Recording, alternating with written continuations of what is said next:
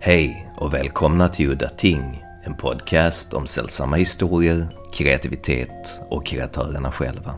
Mitt namn är Henrik Möller, musiken är skapad av Testbild och loggan till podden är gjord av Malmökonstnären Nalle Chinsky.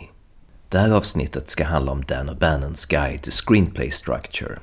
Dan O'Bannon var manusförfattare till filmer som Alien, Total Recall och regissör till den svarta komedin Return of the Living Dead och Lovecraft-filmatiseringen The Ancestor som utkom då enligt Dan sönderklippt i alla fall 1992 under det nya namnet The Resurrected. Filmen var baserad på Lovecrafts roman kan man säga, eller lång short story The Case of Charles Dexter Ward. Dan Bannon dog 2009 men 2013 så kom manusboken Dan O'Bannons Guide to Screenplay Structure ut. Dan hade jobbat på boken tillsammans med Matt R. Lore som i samtal med Dans fru hade kommit fram till att han skulle avsluta deras samarbete och släppa boken. Som jag nämnde i avsnitt nummer tre av Udda Ting som handlar om Dan O'Bannon så är hans manusbok kanske inte den första boken jag skulle rekommendera för en nybörjare som vill börja lära sig skriva manus. Men att läsa den är väldigt underhållande och har man bara lite, lite förkunskaper om manusskrivande så kan man faktiskt ge sig på den. Men nu kör vi igång och dagens gäst är såklart författaren till boken Dan O'Bannon's Guide to Screenplay Structure, Matt R. Lore. How did you first meet Dan and start your collaboration on the book? Well, I originally met Dan uh, back in 2001. I was actually in graduate school at the time. Uh, I was in the screenwriting program at Chapman University. And in year two, uh, Dan O'Bannon was the filmmaker in residence. Uh, now, the interesting thing is, I didn't actually have him as an instructor. Uh, I was studying at the time, and my I was doing my thesis project in screenwriting, and I was studying under Leonard Schrader, uh, Paul Schrader's brother, who wrote Kiss of the Spider Woman and Mishima, and who later went on to run the film program at the American Film Institute.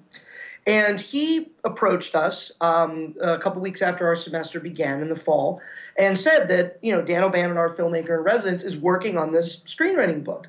And he's looking for a student possibly to kind of work with him and to help him out. And independently, all of my classmates came to me and basically said one at a time, Matt, this is perfect for you. You're the guy to do this. You got to let Leonard know that you want to do this.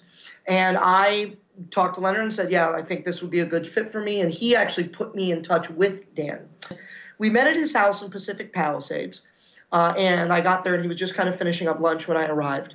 And I, I always remember about three minutes into our first conversation, he looks at me and he kind of says, Matt, let me ask you something.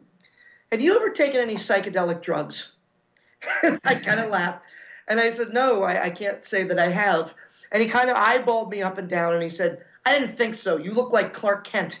And, that was pretty much how I uh, how I first met Dan. Uh, and you know, we we networked a little bit after that. We talked for a couple hours, and it just seemed like a good fit. So we we kind of got started working on the book together, and we worked on it uh, pretty consistently for about the next two years after that. So how did it work? How did you collaborate on it, and how was the work divided between the two of you? A lot, a lot of it was me sort of hustling and trying to track down videotapes for him because again we were working still with VHS at the time because it was long ago enough. Uh, I remember um, one thing I remember him citing because we talked about uh, everybody knows that H.P. Lovecraft is a major influence on Dan. He's he won you know the Howie Award from the the Lovecraft Society before, shortly before he passed, which was a great honor for him. But there was another author that I think a lot of people necessarily don't think of when they think of Dan. But when you think about it, if you look at a movie like Alien or you look at Total Recall, where you have this structure where we're sort of burrowing deeper into the realms of this this character's mind. Um, another writer that had a lot of appeal to him was a writer that spent a lot of time down literal and metaphorical rabbit holes themselves, and that was Lewis Carroll, uh, the writer of Alice in Wonderland. Dan was a great admirer of Lewis Carroll's work. Uh, in fact, in the original draft of Alien, and a lot of people who know the film well probably know this, the original name of the Nostromo was actually the Snark, was the original name of the ship.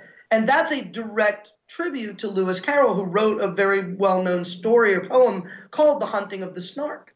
Uh, so it's it's something that really, um, you know, spoke to him. And again, that attitude of sort of caught in a world between reality and dreams, I think, was very appealing to him. And I remember one day he he took the opportunity while we were working to show me one of his prized possessions. And it was, he brought out this box and he opened it up, and it was a prints made from the original engraving plates of John Tenniel's original artwork from Alice's Adventures in Wonderland and Through the Looking Glass. These, these were a limited edition. They had been pressed from the original plates. And he didn't tell me what he paid. He just said, I paid a pretty penny for these, but they were worth every penny. And it's always, I always am very illuminated to see the writers that writers love and the artists that artists love and to see just the unabashed enthusiasm that Dan had for Lewis Carroll was something that really struck a chord with me. And it, and it again got me thinking about the kind of storytelling traditions that Dan responded to and that he responded with. Uh, I also remember one day, and I talk about this in the book, where he hit on uh, sort of an ad. Because one thing I, I, talked about how Dan wouldn't suffer fools very easily, and I have to say that that actually included fools in the audience as well. Uh, he he did sometimes feel a concern that perhaps contemporary audiences were maybe too easily pleased and too readily willing to accept the kind of movies that Hollywood wanted to give them and accept that as okay. And I remember him basically doing an impression of an audience and sort of doing like a baby bird with his head back, like cheep, cheep, like a baby bird waiting for its regurgitated worm slurry from its mother's mouth that you know will will swallow any slop that we're given as long as it's big and colorful enough. And I, I sometimes wonder, you know, if he was around. Like, I mean, he passed away in 2009, late 2009. So he was, you know, right on the edge of sort of the Marvel Cinematic Universe and things like that taking off. And I have to wonder what he would have really made of all that. We never really got to discuss it because he was very sick uh, towards the end. So I don't even know if he got to see like Iron Man or The Incredible Hulk or any of those films that were um, uh, out when he was alive. Um, I do think he got to see District 9, which I'm happy about because I have a feeling he probably responded to some things. And frankly, I think District 9 probably wouldn't have existed without the work of people like Dan O'Bannon doing what they did with the science fiction genre. But he he was he was very unsparing. I mean, if he if he thought you were lacking in some respect, he would give it to you with both barrels. And again, I think that got him in trouble at certain spots in his script. But he was also harsh on himself. I remember he in, in, he shared with me an anecdote, and it's also in the book about a script that he wrote called Edgar. Uh, that uh, Julia Phillips, uh, in her book, um, he wrote a script for her called Edgar. Uh, Julia Phillips was the producer of The Sting and Close Encounters of the Third Kind. And in her book, You'll Never Eat Lunch this, in This Town Again, she hired Dan to write a script for her that she doesn't go into a lot of detail about. A script called Edgar, and she says she thinks it's the worst thing Dan ever wrote. And he basically tells her, he says in the book, listen, if she had read some of the stuff I wrote that I never showed to anybody, she would have been much more kind about Edgar. and so, so Dan was willing to concede also when he he never thought every word out of his pen was gold. He was willing to concede when he was missing the mark, and I think that's always a sign of a mature writer as well. When they're willing to say, "Yeah, I did this and it still doesn't work." Most writers, as you know, have more projects probably that they worked on that never saw the light of day than that did. And Dan, in the early chapter of the book, in the first chapter of the book, as you remember, he has a chapter uh, or a scene from a, a, script that he wrote that took place in Atlantis, um, and he, he it was a script that he was working on, and I think the reason he sort of pulled back from it is because around the same time James Cameron revealed that he was kind of working on the Abyss, and there was one of those things where you have sort of those instances of kind of parallel thinking, where I think Dan was working on some elements that um, later sort of spun off and ended up working more uh, in the Abyss, which Cameron wrote. Although Dan's script actually, because I've read Dan's Atlantis script, and it actually reminded me, in some respects, a little more of the Atlantis animated film that Disney ended up doing uh, in the early 2000s. It was almost more of that mystical kind of Atlantean element, not so much an alien kind of a script.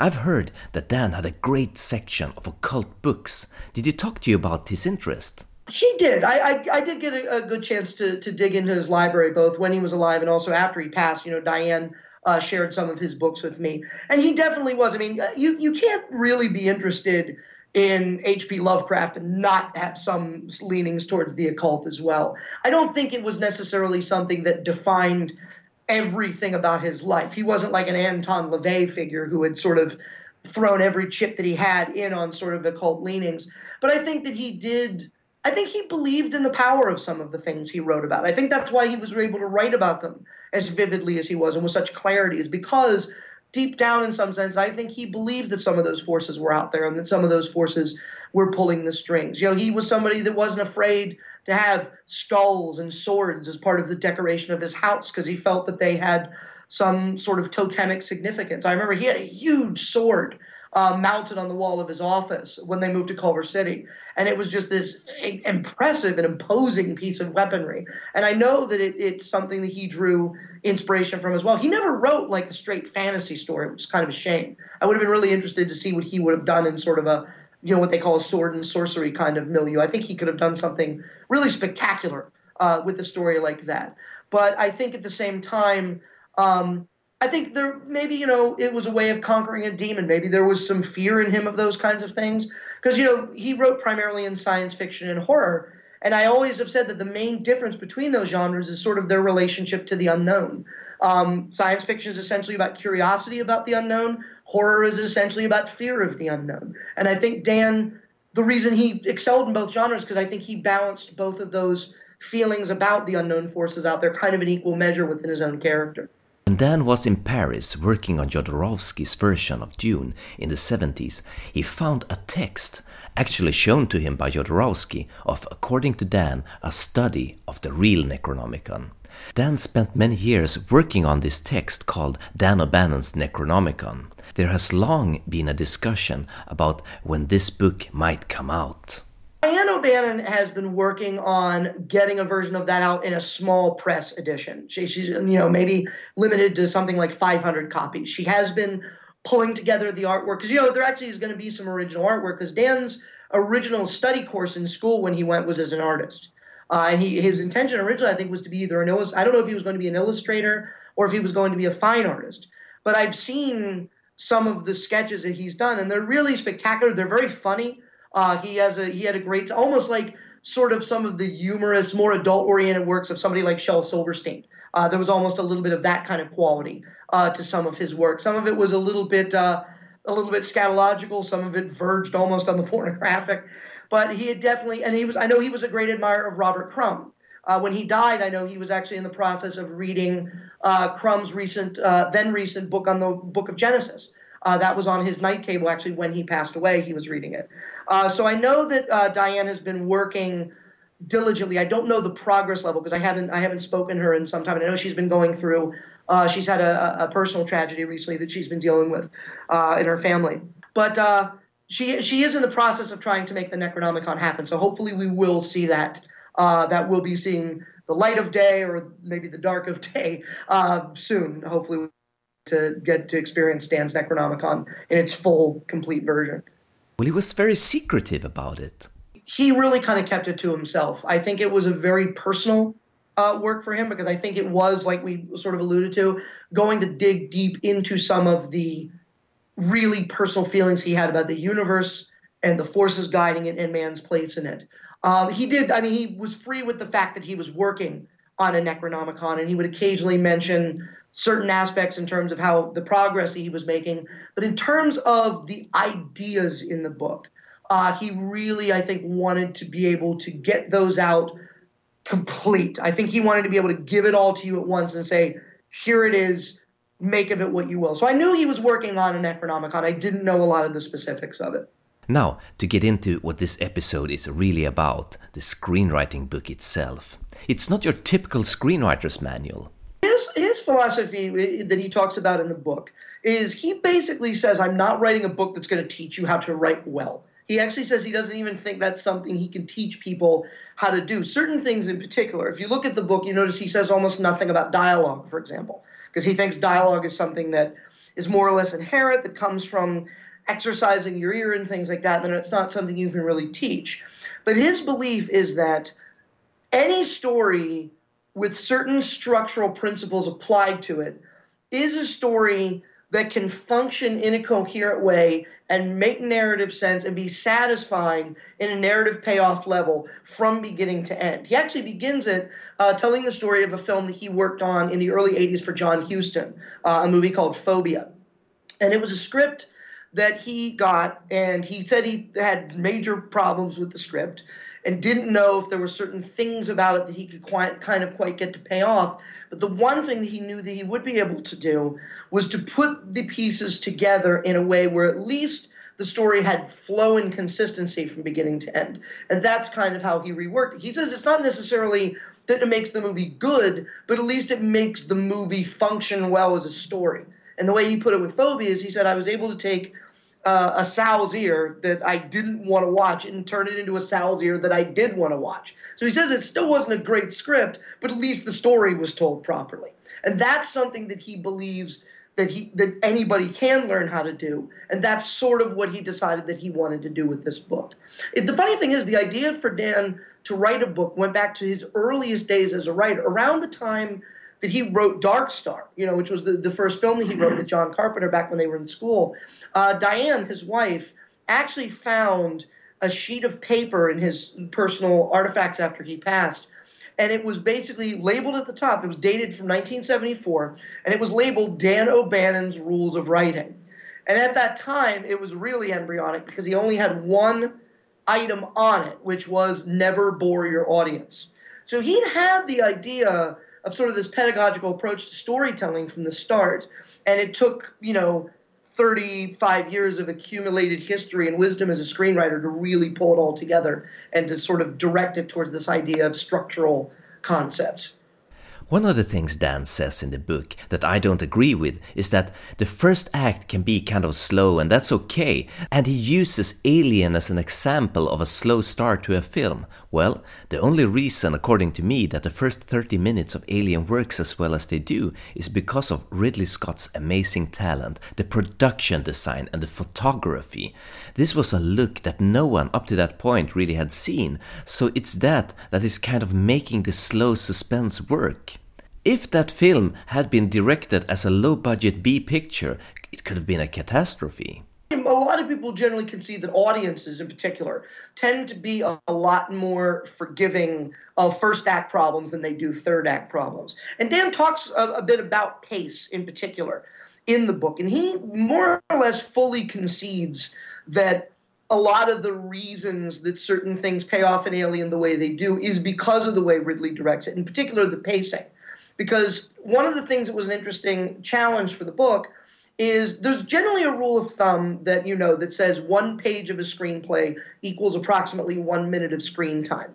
Dan actually doesn't believe in that principle at all. He, in his opinion, he says this in the book that the pace of any film depends entirely, in his opinion, on the way it's directed.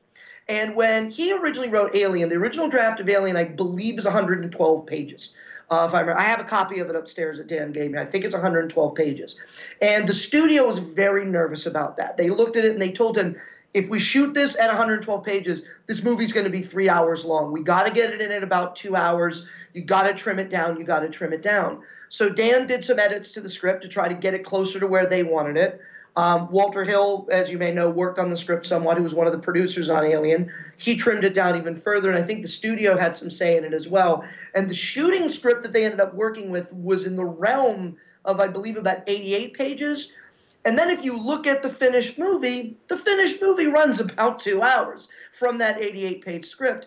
And a lot of it is due to the way Ridley is willing to draw things out. And we have these long shots at the beginning of the movie where they're moving through the corridors of the Nostromo. The way Dan describes it, he says he draws out the tension until it almost cracks the audience's teeth.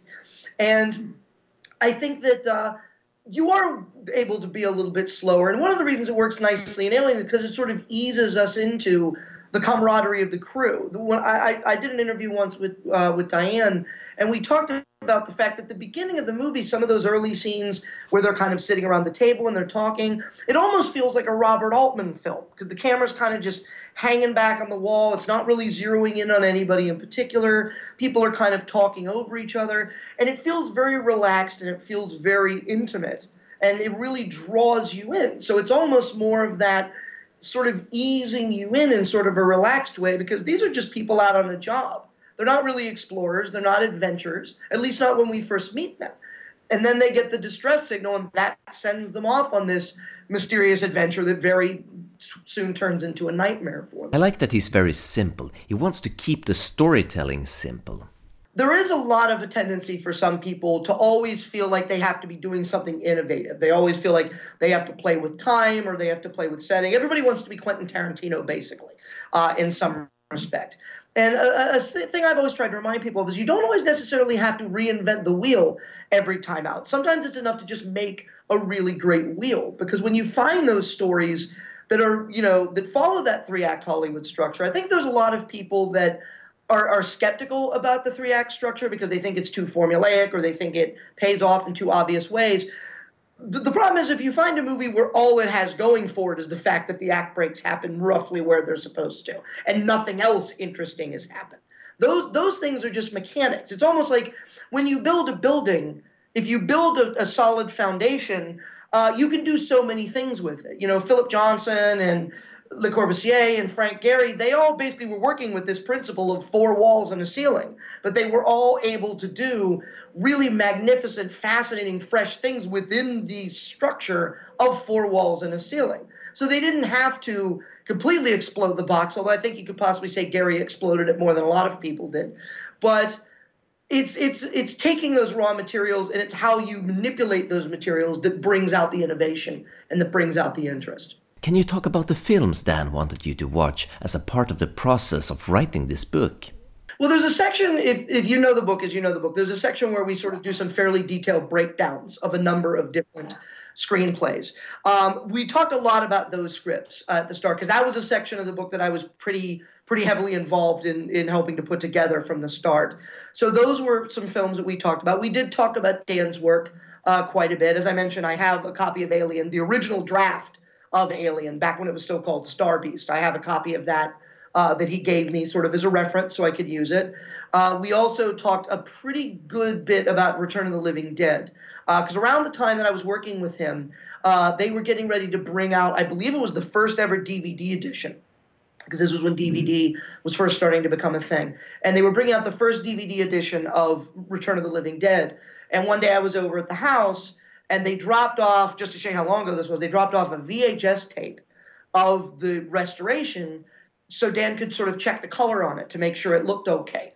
And we sat and we watched Return of the Living Dead together. And I basically was treated to a live director's commentary. Dan basically went through as we were watching the whole film and sort of told me stories about the cast and stories about the production and some of the challenges they had with the special effects. So that was a movie we got pretty deeply into as well. Uh, we talked about Stanley Kubrick quite a bit, which is interesting because we don't actually do a Kubrick breakdown. Uh, but you know, Dan, and, and also his wife and I both talked about Dan's feelings about Kubrick, and he was actually one of Dan's favorite screenwriters. Dan was a major admirer of Kubrick as a writer. And one of the interesting things about Dan, and I think there might be something to this, in his mind, he t- said in some way he thinks that every movie Kubrick ever made was a comedy. Uh, and I think that's really interesting. I think some of them are more overtly comedic than others, obviously, but uh, to see Dan sort of spin it that way. And Dan is somebody that had a sense of humor, which anybody that has seen Return of the Living Dead knows, but that it could be a very caustic, bleak uh, kind of sense of humor with a lot of edge to it. So I could see how he would respond to Kubrick and perceive him potentially as a humorist. Uh, we did talk somewhat about editing as well. Uh, there's a part in the book, if you remember, where we talk about the Robert Wise film, The Setup uh, which is a movie that we talked about, does some interesting things because it's a film that plays out in real time. Uh, and that was a movie that we watched together. And I remember that was actually one of my jobs because that was a really hard movie to locate. So one of my jobs for Dan was to try to track down either a VHS or a DVD copy of the setup. I eventually ended up, I think, having to get it used on eBay or something like that uh, and we watched it. And that was a, so that was a movie we looked at uh, as well for editing and how it relates to storytelling. Because a lot of people consider editing to be a form of screenwriting by other means, and I think there's something to that too. One very interesting thing is that when you go into a breakdown of Lawrence of Arabia, it's kind of a one of a kind film that defies the rules of convention on almost every level. It really is the inner journey of Lawrence through the film, and yet somehow it works. If you look at something like Casablanca, for example, which we also break down in the book, and Casablanca is a story about a cynic rediscovering his idealism, but they have found very concrete ways to dramatize this by him getting involved in the issue with the letters of transit and with his former lover and the Nazis getting involved. So they they bring him into an external conflict that brings his internal conflict to the fore. I think that what Lawrence of Arabia does is interesting is that a lot of the things that are going on in Lawrence of Arabia are situations that seem to almost have more straightforward paths to them, but they become more complicated because of who Lawrence is inside and because of these conflicts inside himself. That he seems to have this this need to be this messianic figure, to prove himself as something, somebody who can do the things that it is written that you cannot do. He has that great line, nothing is written, after he crosses this desert and survives, that nobody else can ever do. And I think, I mean, one of the beauties of that is that they they found the exact right note for Peter O'Toole to play it. And we know from his subsequent performances that he could be a very demonstrative, extroverted actor when he wanted to be, but he plays Lawrence so inwardly. And again, that inward thing is why we're drawn to Lawrence because you're always sort of drawn to a figure that doesn't seem to be giving you much back, but that seems to have a lot going on in there. And I think they did a fairly good job of balancing him out with contradictory personalities. You have Alec Guinness's character, you have Auda, the um, Anthony Quinn character, and then you have sort of his you know, who becomes sort of his second hand, Omar Sharif's character, and they sort of play to different sides of who Lawrence might have been. And he just stands in the middle of it all as this mysterious white robed figure. And it is it is a really it is odd that it's a movie that people have embraced so much over the years because it's it's a complex film. It's not a film that spoon feeds you anything. So I think that one of the reasons people keep coming back to it, and we talk about this in the book, is because it is so mysterious. And because they still feel like maybe after five or six times seeing it, I've seen it about a half dozen times myself, and I still don't entirely know this guy. And that's something, particularly in a story that's not as narrative driven, the way Lawrence of Arabia is not as narrative driven. It, you need that sort of enigmatic, mysterious element to the characters to kind of keep you going to it.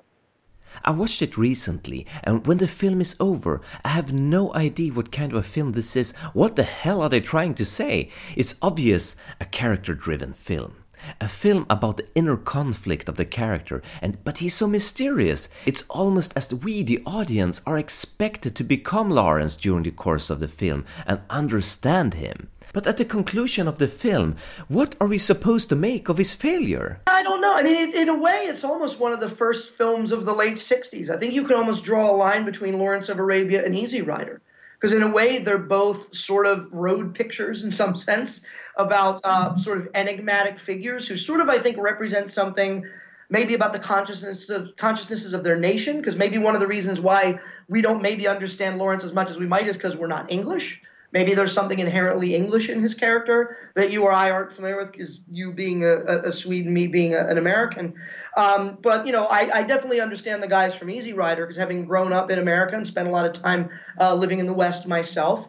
Um, so I think I think that's something to it, and I think you can draw a line between something like Lawrence of Arabia and some of the stranger films that were to come pretty much in world cinema after that because I think you you have filmmakers like Roman Polanski sort of getting involved and doing their thing. You know, I think you can draw some connections between movies like that. I think there's something of Ingmar Bergman's persona uh, in in Lawrence of Arabia, that sort of difficult kind of approach to character. So I think that in that sense, Lean was ahead of his time, and I think he just managed to sneak this in past the executives at Columbia by saying, "Look, cannons and horses and battles in World War One, and he tricked them with just enough action to make them maybe not realize the movie they were getting. And they probably just figured, oh, we can whip an intermission in the middle of this and charge, you know, a premium roadshow ticket price for it. So that was all they needed to hear. And plus, I mean, you know, David Lean had a pedigree. He'd done Bridge, Bridge of the River Kwai before that. So they knew he knew how to present, you know, kind of a, a spectacle uh, like this and make it connect uh, with an audience. And I think that he was able to sort of you know, maybe that's the movie that that was his reward. Maybe that's the movie you get to do after you get Bridge over the River Kwai, uh, because he made them so much money. They were like, you know, have at it with this next one, see if you can pull it off, and he did. In the book, Dan does something interesting. He lists a few of the most famous teachers of dramatic structure and writing, starting with Aristoteles, Lajos Egri, Howard and Mabley, and more modern gurus that are still being used by students today, like Syd Field and Robert McKee. And well, the time when we got underway with the book, those were sort of the the signal names, sort of in storytelling structure at that time. Egri, we discussed a little bit because Egri's book is actually more specifically related to writing for the stage. Because uh, the title of the book is The Art of Dramatic Writing, and he talks more strictly about kind of story structure for for theater. So he talks a lot about dialogue, which is something that not a lot of the others do. But it was it, we looked at sort of the books that were the ones that people seemed to be talking about most at the time. And Syd Field was the guy at the time. McKee was really in the ascendant at the time because this was around the time when adaptation came out. So this is around the time that McKee became a character in an Oscar-nominated film. Uh, Howard and Mabley was really popular with the film students that we knew at the time, and I was using it in some of my film classes. Probably the one, if we were going to go back and do the book now, that we would maybe consider discussing. That's one of the signal books right now is Save the Cat by Blake Snyder. Well, when I first read Save the Cat, I lost my mind. I thought it was so stupid. It's a screenwriting book for Beavis and Butthead. It was so simplified. It was simplified to the point of ridiculousness. But now, in hindsight, I guess it could be a good start for a young person that has watched a lot of films but never written a screenplay. Good way to start. It's a very good way to start. And I think that's one of the reasons why it's such a popular book, because I think there are maybe people who read that and think, oh, this is interesting. I want to explore this further. And then maybe they get deeper into some of the other books and are sort of like, oh, this might be harder than I thought it was. Uh, Dan's book I don't know if necessarily. I think Dan's book is it's is a fairly fun read, but I don't think it's necessarily an easy read. I think Dan does get into concepts in somewhat more of a complex way. Dan was an intellectual, so I think the book skews in some way that way. He's not going to necessarily hold your hand through it. He's more just going to point you to the path and say, "There it is. Uh, follow it." I'll tell you some of the things I saw along the way, but it's ultimately up to you to sort of find your own way out of the woods. One of the things Dan says in the book that got to me is when he talks about keeping people's interest watching a film.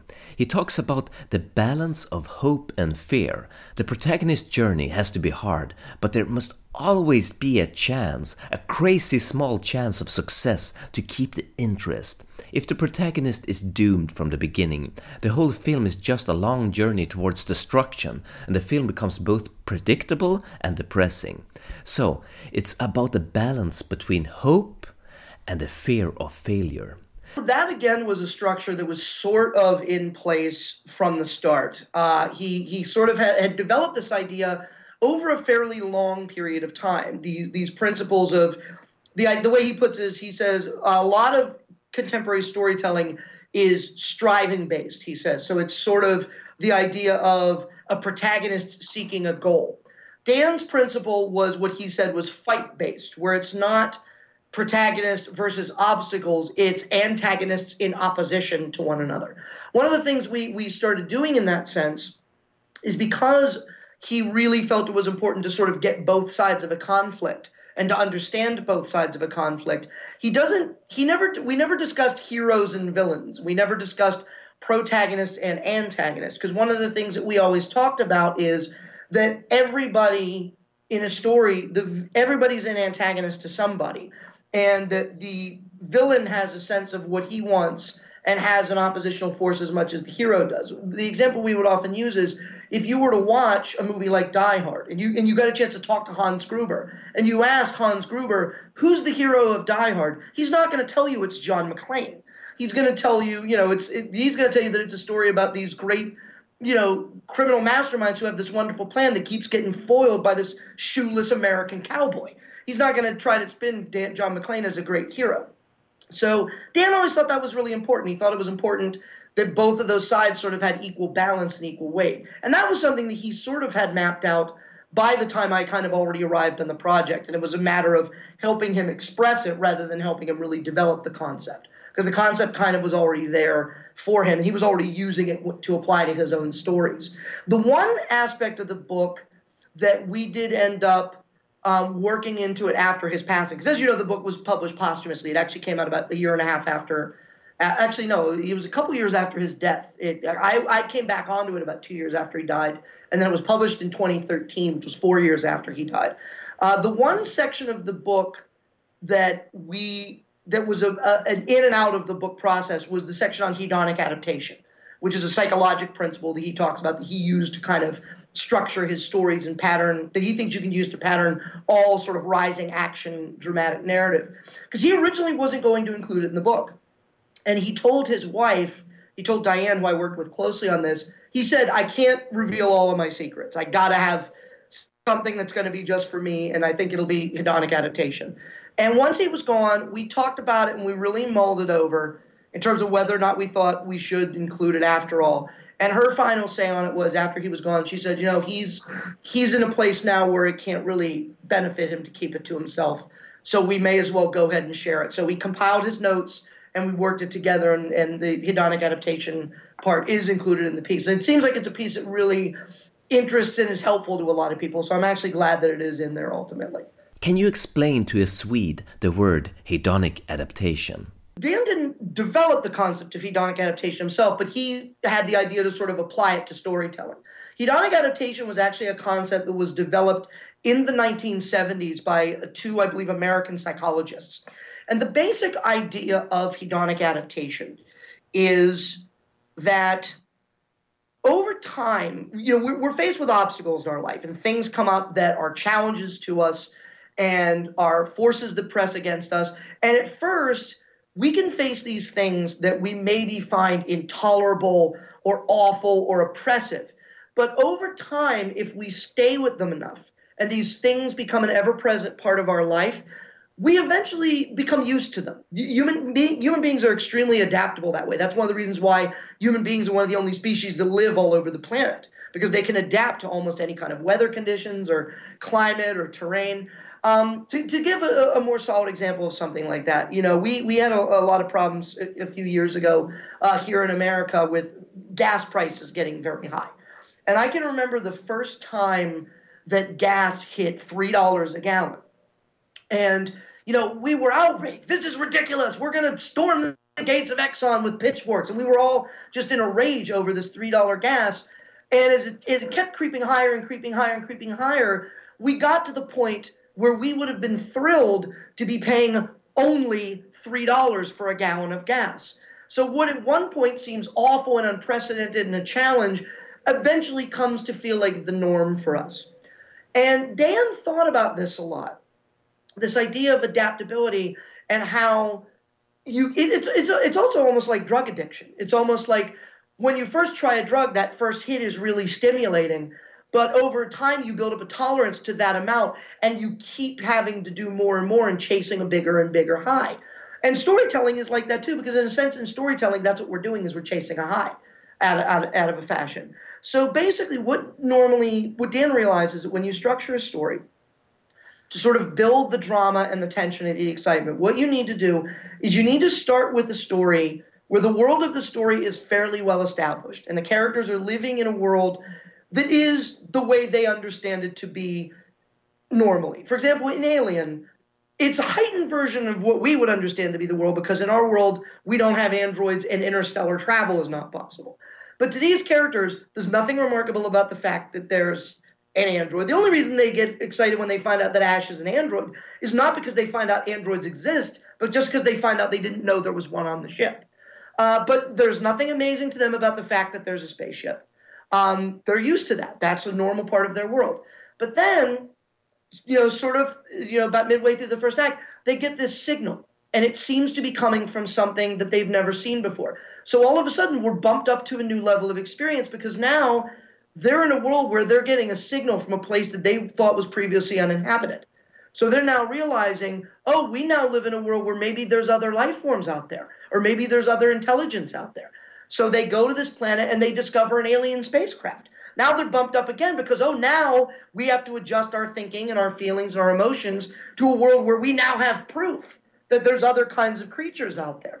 Then they find the eggs, and it's really getting solid because now they have this really solid evidence of this other life. And then the creature latches itself onto John Hurt. They have this attack. They have this, this, you know, they manage to finally get the thing off of his face.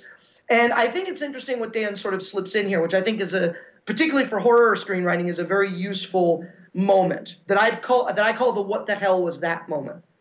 Because it seems like whenever you have a horror film, that first sort of attack scene where you encounter the monster, the beast, or whatever it is, there's always that chaos, and it's always very frantic. You don't really ever get a good look at the thing, and the cre- the people kind of pull themselves away. They're sweaty, they're terrified. Maybe one of them's hurt, and you always have somebody say something along the lines of, "What the hell was that?" That's where you get a chance to put in some of your exposition and learn something about this thing. Because what happens after we get this shock of John Hurt getting attacked? We have Ash in the lab analyzing it, telling us what it can do, telling us its properties, telling us about the acid blood. And not only are we learning about the creature, but we're learning about what these people are really up against. But it is also that necessary pause because you have these plateaus that are kind of built in where the characters aren't acquiring new information. You kind of pay those out over the course of the story. Then, finally, once John Hurt is, quote, back to normal, they sit down and have a meal. John Hurt starts convulsing. The creature bursts out of his chest. Now we've really amped up to a new level of tension because not only do we know there are creatures out there, not only do we know that they might be malevolent, but now blood has been drawn. One of our number is dead, and this thing is loose on the ship. And from there, it constantly ratchets up, and it's just bam. Now it's killed more of us. Bam. Now it's killed the captain. Bam. Now I'm Ripley, and I'm the only one left. And so Dan understood that this you constantly are establishing what the character's level of knowledge and comfort is, and then constantly upending that with new information. It, it they you know use the principle of a roller coaster, and it does work very much that way. It's it, it, it's fortunate for me in explaining this concept that Dan gave us Alien because it is such a textbook example of this concept. So it makes it very easy to kind of play it out. And the amazing thing is they've studied audiences, and you can get audiences adjusted to a point where their emotions are working so much together that their physical reactions start happening together. They've watched audiences with night vision cameras during movies, and you'll see people's breathing patterns start to sync up in a movie theater. They start blinking at the same time because the movie is manipulating them in such a way that it's getting them to feel exactly how the movie wants them to feel. And that's one of the most interesting things that hedonic adaptation does. But Dan did want to get away from the three act structure, and he gives examples of two act and four act and five act structures in the book. Uh, on the contrary, I think that he actually felt that it was something that uh, that he was comfortable with. I think he thought it was being abused by a lot of people uh, who thought that as long as their movie maybe worked that way, that he, they didn't have to pay attention to necessarily the other problems that the writing might have had. He felt that probably the best way, because he talks about you know examples of two act structure and four act structure and five act structure, because it was tricky because certain things we worked on when we analyzed the pieces did have different act structures. We talked about Waiting for Godot, for example, which actually only has a two act structure. If you watch Waiting for Godot on stage, it's only got two acts with an intermission in the middle. Uh, but he generally felt that in a properly structured dramatic story, even if it was kind of broken down uh, by, you know, five acts, for example, Shakespeare uh, normally wrote plays with a five act structure, the, the way the actual dramatic beats landed still generally conformed to three acts. And he talks about that because, as you know, in the book we break down King Lear. Um, he thought that if you had too many acts, you were relying on too many what he calls point of no return moments. When Dan talks about a point of no return moment, it's basically that moment in a character conflict where the conflict between them builds to such a sustained level that it reaches a moment where something happens where the conflict at that any point prior to the point of no return, the conflict can be gotten out of through some other means. It can be you could talk your way out of it, you can back your way out of it, you can negotiate your way out of it. But something happens at the point of no return that can never be taken back and can never be undone and can never be rectified. And at that moment, the only option that remains for your characters is devil take the hindmost, absolute battle to the literal or metaphorical death. A lot of times you can tell the point of no return because it's that moment in a story where a character can say, now it's personal. I always point to Unforgiven, the Clint Eastwood Western, is a great example of this, where there's a lot of moments of tension and there's a lot of moments of violence and and um, pain early on in the story, but it's not until Gene Hackman's character, spoiler alert for a 26 year old movie, kills Morgan Freeman's character, uh, who is Clint Eastwood's main confidant, and props him up in the window of that shop. that's the moment when it becomes personal. Because at any other moment, Clint Eastwood could have just taken his bounty money and ridden out of town. But now it's personal, so he can't back away from it anymore. And Dan's simple argument was you can't have a moment like that twice. If you try to have a moment like that twice with a four act structure or three times with a five act structure, it's simply it's simply not dramatically sustainable that you can keep topping that. It's a little bit hard to do. Now he does offer the one counterexample of what he calls two act storytelling. And the example that he uses for two act storytelling is um, Alfred Hitchcock Presents, uh, the television series in the 1960s. But even in that, in a way, sort of fudges it because what he said you're basically doing in a case when you have a two act structure is you're basically just taking the inciting incident and the point of no return and you're smashing them into one moment. So it's not like you're eliminating a beat altogether. It's just you're taking two beats and combining them into one. And his feeling was it's easier. It was easier to do it in commercial television because a lot of times in commercial television you only have basically that one act break in the middle if you're not talking about teasers and tags and things like that. Uh, so he thought that that was a way to make it work. He thought it generally only worked, he thought, with kind of gimmicky storytelling, which is the way a lot of times the Alfred Hitchcock stories almost had relied on those twists. Uh, but he thought that for a classically structured story, even going all the way back to something like Oedipus Rex, he felt even that sort of broke down along principles of the inciting incident, the point of no return, and the climax. So he thought that that was sort of almost baked into the cake from the start of drama, that idea of a three act structure. But he was against Syd Field and his way of structure. Minute three, bam, this has to happen. Minute seven, bam, this must have been established. He, he believed in the three act structure, but one point in which he diverged from Syd Field is he did not believe that the three act structure meant that the acts had to be of a uniform length. Like he kind of jokes about it in the book. He kind of says like, "When have you ever gone to a movie and then come back and said, "Oh, you have to see this movie. Every break happens at the exact minute that it's supposed to happen." Nobody notices that. He feels like when those things are working, they're working unconsciously. So he felt that the acts could be the length that they really needed to be, in his opinion, however long that was. Because believe it or not, for example, he actually thought that Act One of Alien lasted up until the creature bursts out of John Hurt.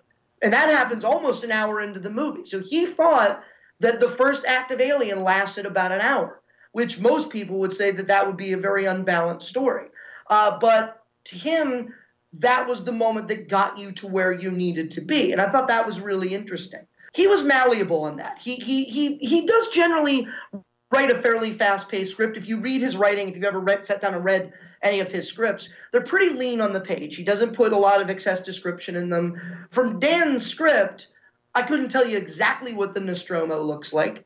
Uh, his description of the creature is he had some ideas about it, but he doesn't take you lockstep through this is how long its head is, this is the color it is.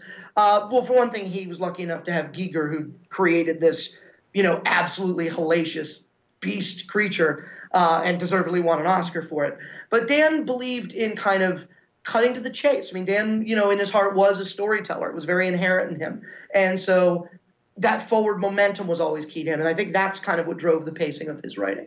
Dan was a teacher and Dan did work in instruction, but I think that it was a question of sort of pushing back a little bit against this kind of formularization of story that we've talked about uh, with the three act structure and you know going into meetings with executives and them telling you you know this has to happen here this has to happen here because there was a lot of that going on in storytelling and i think there still is i think a lot of it has to do with the fact that most of the people running the studios now are not creatives. Most of the people running the studios now do not come out of film school. They don't come out of USC. They don't come out of NYU. They come out of Harvard. They come out of Wharton. They come out of you know the Yale School of Business. Uh, so there that's what they're understanding. Their understanding is packaging something in an easily digestible, easily recognizable form and selling it to people. And Dan, I think, thought that if you do too much of that, you're going to stifle yourself. He thought, I think he thought it, that doing that was kind of, as they say, putting the cart before the horse. That if your main worry was getting a story where the act beats happen in the right way, you're not going to have a story that's based on emotion and primal feelings and desire, which are the kinds of things that drive dramatic narrative. And I think part of it also comes down to the old Katharine Hepburn quote that Dan maybe appreciated, which was, if you obey all the rules, you miss all the fun.